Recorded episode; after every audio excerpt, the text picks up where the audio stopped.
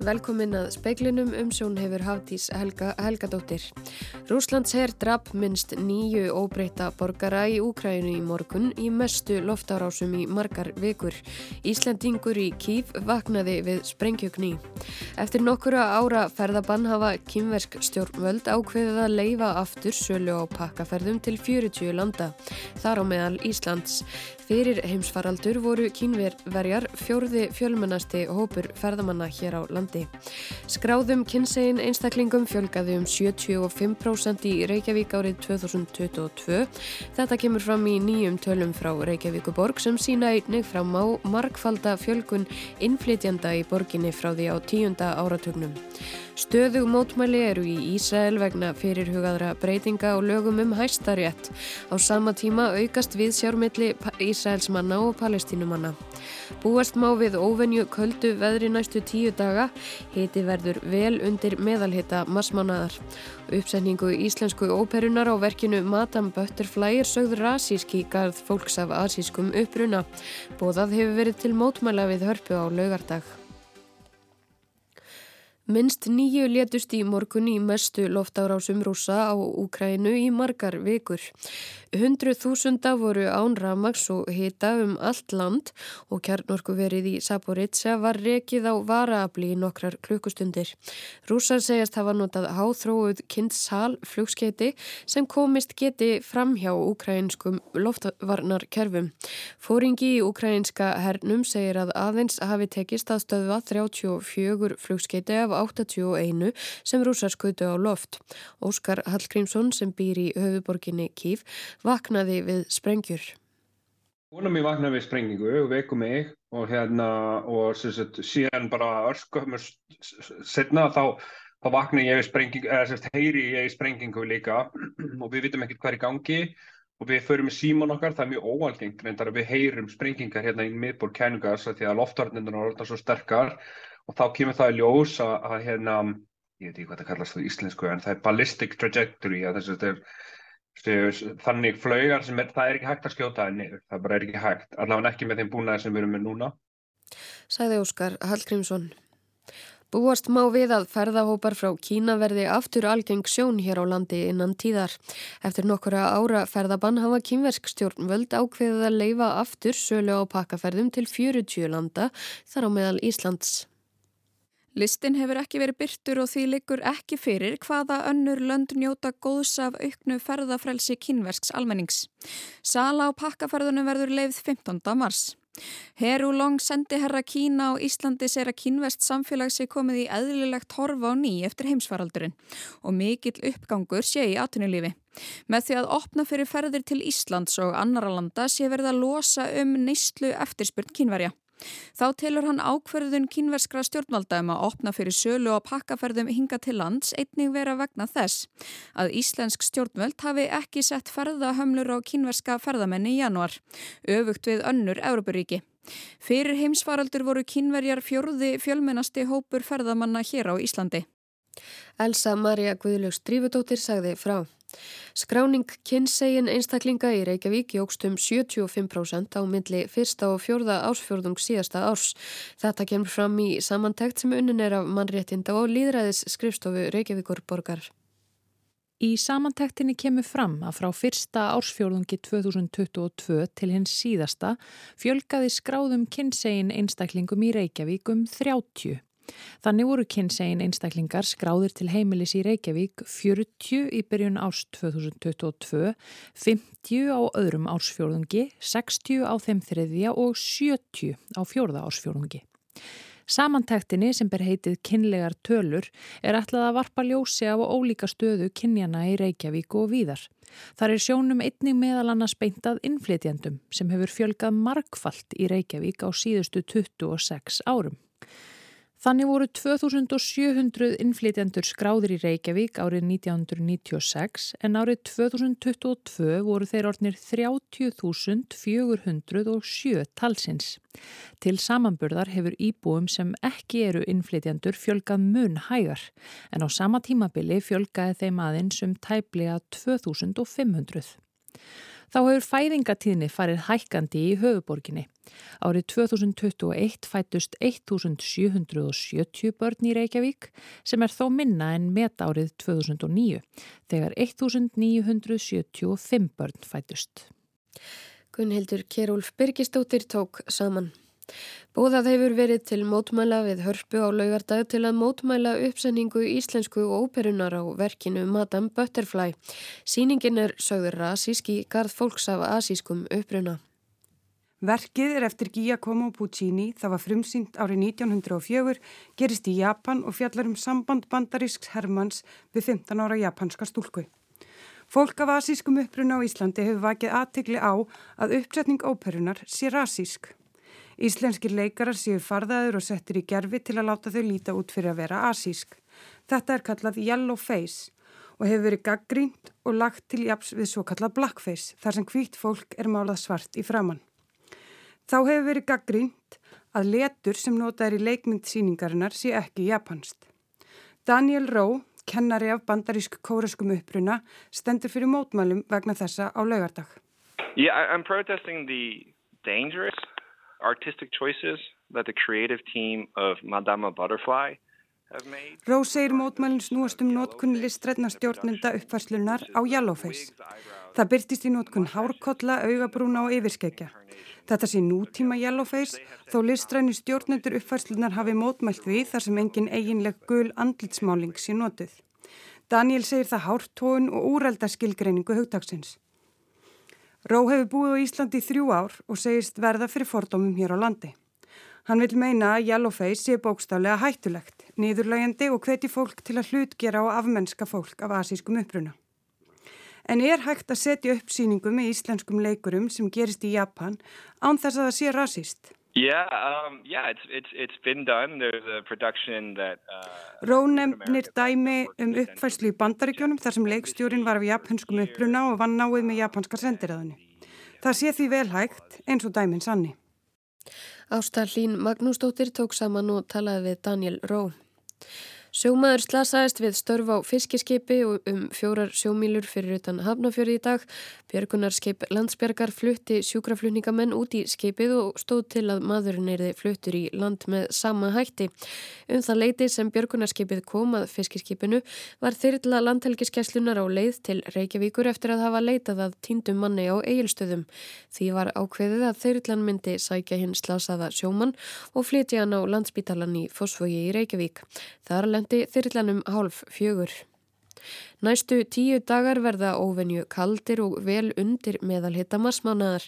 Byrta Líf Kristinsdóttir, veðurfræðingur, segir litlar breytingar á veðrakerfum í kortunum þar sem norðlægar áttir verði ráðandi. Það sem er svona kannski helst markverðast er að það fer kólnandi og það er alveg búist við hörkufrosti á öllu landinu. Það er svona kannski sérstaklega kaldast núna um helgina en ásíðan aðeins að draga frostun í næstu viku en samt verður áfram bara mjög kallt hjá okkur. Við munum náttúrulega bara að það er ekki lengra síðan heldur enn í desember, síðan var kallt í alveg nokkuð tíma og þá náttúrulega getur þetta farið að hafa áhrif en það eru aðrir en ég sem hérna, taka þær ákvarðanir og það er bara um að gera fylgjast með því að það þarf eitthvað að draga vassnótkun eða eitthvað slíkt en hérna, það er alltaf útlýtt fyrir að verði kallt hjá okkur. Segir Birta Líf Kristinsdóttir.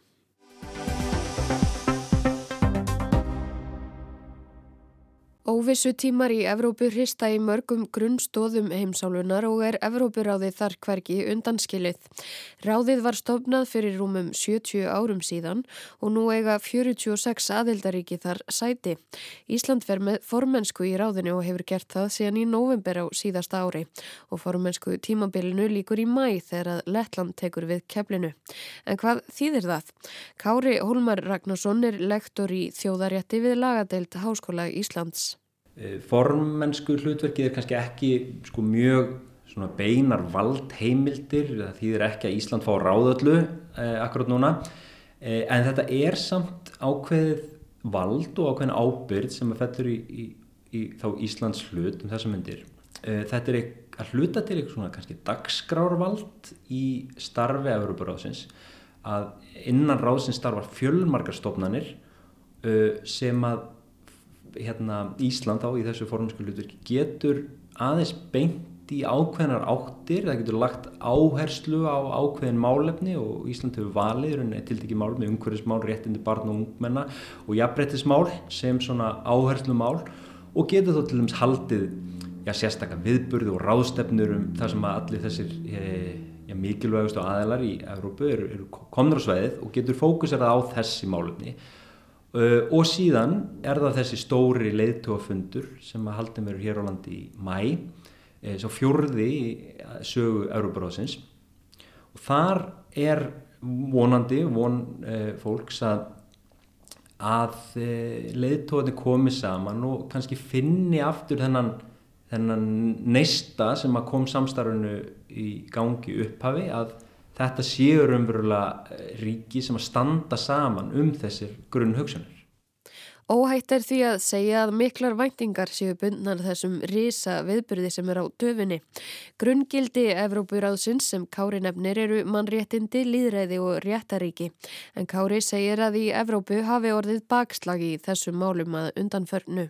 Það, það er kannski nærtakast að vísa til þessar þróunar í, í tengslu við já, svona populisma og uh, andlýðræðisleira stjórnarháta sem hefur verið svona enkenn að koma upp í ýmsum ríkum Evrópu uh, síðustu, þetta er nú kannski orðin tíu ár um, og stórpunningi núna finnst mér vera um, mun þessi þróun halda áfram?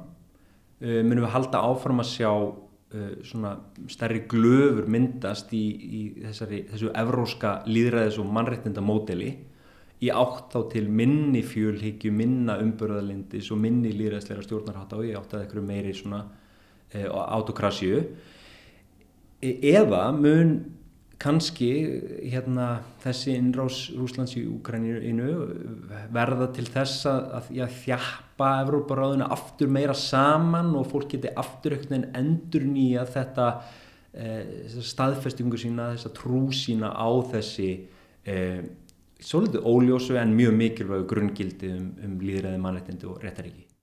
Rúsum var vikið úr ráðinu stuttu eftir innrást þeirra í Úkrænu.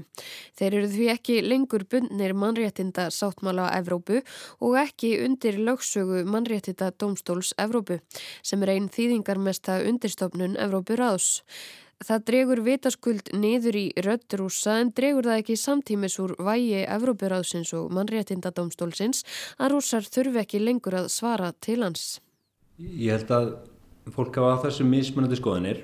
Um, það má segja að eh, einn af kostunum við Evrópuráðið er að þar hafa öll ríkin setið við borðið og það hefur verið þetta skiptast á skoðunum Eh, það hefur verið hægt að koma á framfæri gaggríni á framfæriði einstakra ríkja og, uh, og hvað sem það ríki heitir. Það, það, það eru allir, sitt allir við saman borð og allir voru í sama herbyrgi og það hefur verið kostur. Um, og mörg þessara ríkja, ekki bara Rúsland, mörg ríkjana eru augljóslega, uh, já, ég menna gölluð að einhverju leit út frá viðmöðum um réttaríki, líðræði og, og mannréttindi uh, mis, öll að einhverju leti gölluð og, og misgölluð, það er mörg ríki þarna sem að uh, það sem er mikið af málum sem til dæmis rata fyrir Marðardómsdóla Európu, það sem er brotið gegn sáttmálunum um, 70% af málafjöldanum fyrir Marðardómsdóla tengist fimm ríkjum, þannig að þetta er mjög ójöfn dreifing og það hefur samt verið afstæða flestra að þessi betra að hafa alla þarna inn í kerfinu og það sé þá hægt að vinna í rétta átt í eitthvað skoðan samvinnu. En síðan kom uh, hérna upp þessi tímapunktur þar sem auðvitað hérna Rúsland ja, braud svo freklega gegn uh, flestum grunnreglum þjóðarættar að, að þeim bara var ekki stætt á að vera í, ráðinu lengur Það átti sér lengri aðdraðanda en eftir innrás rúsa á Krímskaga 2014 voru rúsar sviftir atkvæðisrétti á Evrópuráðs þinginu. Verulegu leiti var Rúsland hægt að starfa með Evrópuráðinu eh, eftir innrásinni Krímskaga 2014 eh, en þarna fyrir eh, réttum ári síðan var þeim formlega algjörlega vikið úr, úr ráðinu. En gerir það þá ekki hérna í leiðinni einhvern veginn dómstólnum og ráðinu er við að fyrir að eh, hjálpa bæði já, þeim sko rúsum sjálfum sem að vilja sækja mál gegn yfirvöldum og, og svo þeim sem verða fyrir barðinu á rúsum já, eins og Úkrænu að, að já, sækja mál gegn þeim? Það, það kann að vera, auðvitað er það ljóst núna að, að hérna, Rúsland mun ekki fylgja niðurstöðu Martindóslands Európa til dæmis, það er alveg, alveg ljóst.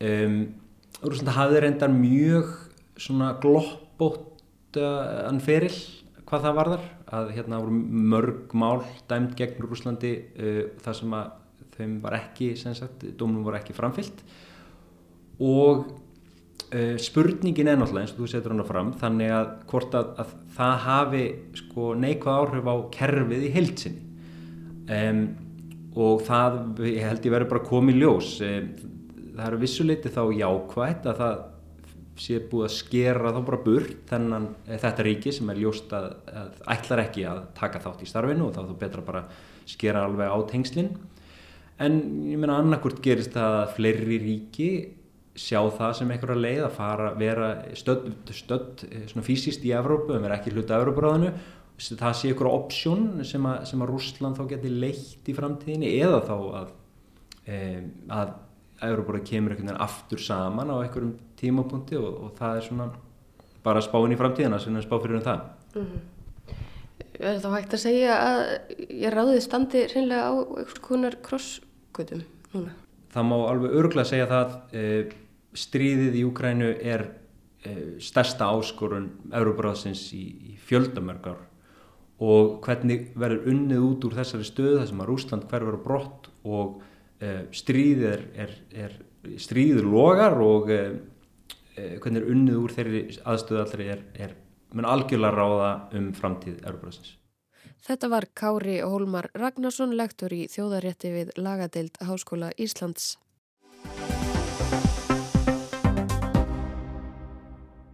Hver höndin virðist vera upp á móti annari fyrir botni miðjararhafs um þessar mundir. Þúsundir tóku þátt í degi ansbyrnunar í dag þar sem mótmælt var umdeldu stjórnarfrumvarfi um breytingar á hæstarétti landsins. Fundir voru haldnir víða um land og margir tóku þátt í að tröfla umferð á helstu umferðaræðum.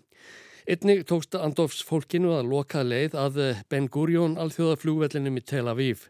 Með því var ætluninn að tefja fyrir brottfur Benjamins Netanyahús forsættisráþara og eiginkonu hans í opinbera heimsóng til Ítalíu. Umferð komst ekki á að nýju fyrir ennum fjögurleitið að staðar tíma. Forsættis ráþarann átti reyndar annað erindi á flugvöllin. Þángað kom í morgun Lloyd Austin, varnarmálar á þeirra bandaríkjana. Hann var reyndar vantanlegur til Ísraels í gerðkvöld og átti að ræða í dag við Netanyahu og Jóaf Gallant, stafsbróður hans, í varnarmálaraðunitun í Tel Aviv. Fundarstaðnum var breytt vegna ástandsins innanlands og Ísraelskur áþararnir komust á áfangastað með þyrlum þrátt fyrir umferðarteppuna. Netanyahu sagði að fundi loknum og rétt áðurinn hann hjælt til Ítalju að fundurinn með Lloyd Austin hefði verið árangursríkur. Þeir hefði fyrst og fremst rætt um sameileg markmið Ísraels og bandaríkjana um að koma í veg fyrir að Íranar komi sér upp kjarnorkuvopnum. Hann notaði einni tækifæri til að fordæma mótmæli landa sinna gegn hinnum fyrir hugуðu breytingum á hæstarétti.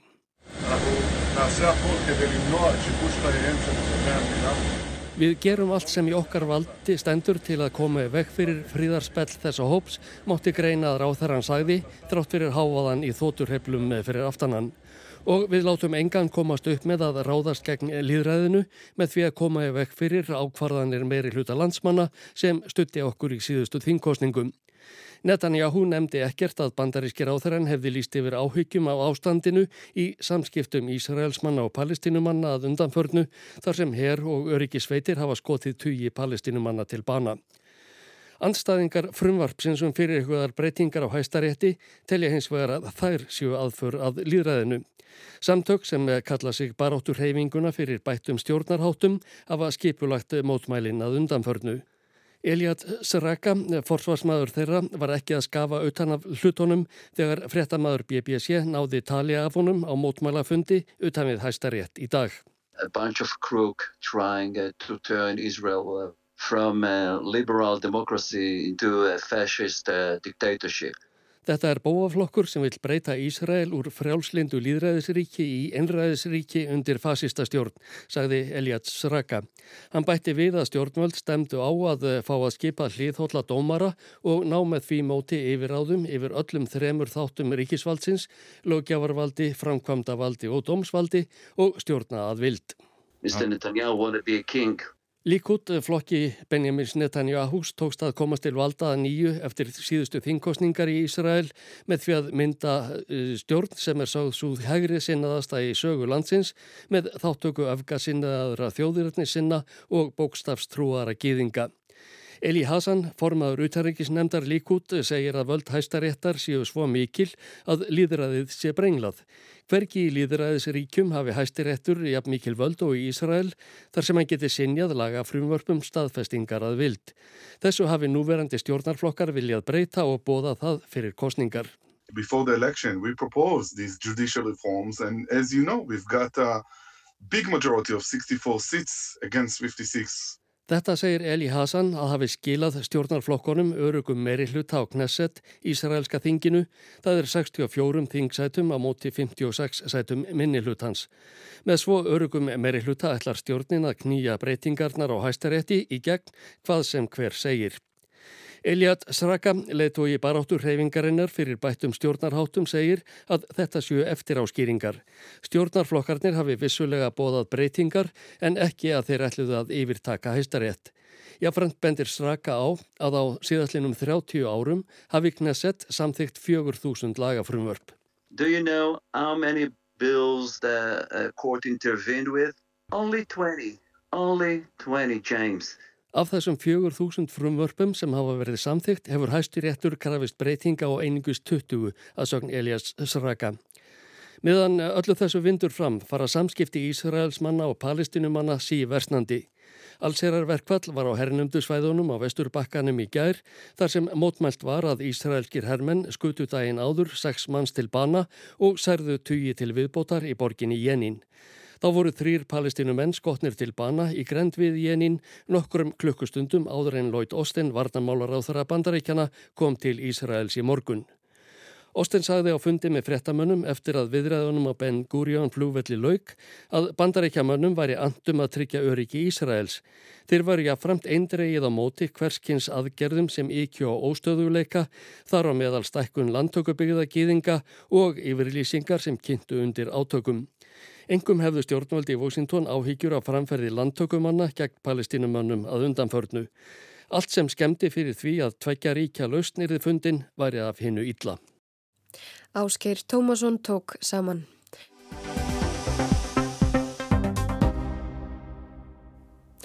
Frændur okkar norðmenn eru hrifnir af vindorku og telja hana álíka arðbæra og vassorku. Samt fjölgar stöðugt í hópi þeirra sem mótmæla og vilja ekki að sjóndeldar ringurinn sé þakin vindmjölum hvert sem litið er. En vindorkan skilar hagnaði. Vindorkuveri eru arðbær og gefa vatsorkuverum ekkert eftir þegar kemur að hagkvæmni. Þetta er í höfudráttum niðurstað eftir áratugi með bæði lofsöng og mótmælum, málaferlum, útreikningum, tilraunum, fjárfestingum og rekstri á vindmilum. Það er hægt að reka vindorku verð með hagnaði. Og vindorkan er álíka ódýr í framleiðslu og vatsorkan.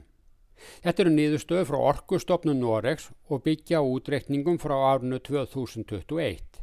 Það eru nýjustu tölur og þá kostaði kílovattstundin rúmlega fjórar íslenskar krónur á virkunar stað. Landsvirkjun seldi stórnotendum á Íslandi í fyrra kílovattstundina á um 6 krónur án flutningskostnaðar. Vindorka á fjórar krónur ætti því að vera samkeppnisfær. Norsku útreikningarnir eiga aðeins við um vindmillur á landi. Mun dýrara er að virkja vindin til hafs, hvort sem millurna standa á hafsbotni eða eru hafðar fljótandi.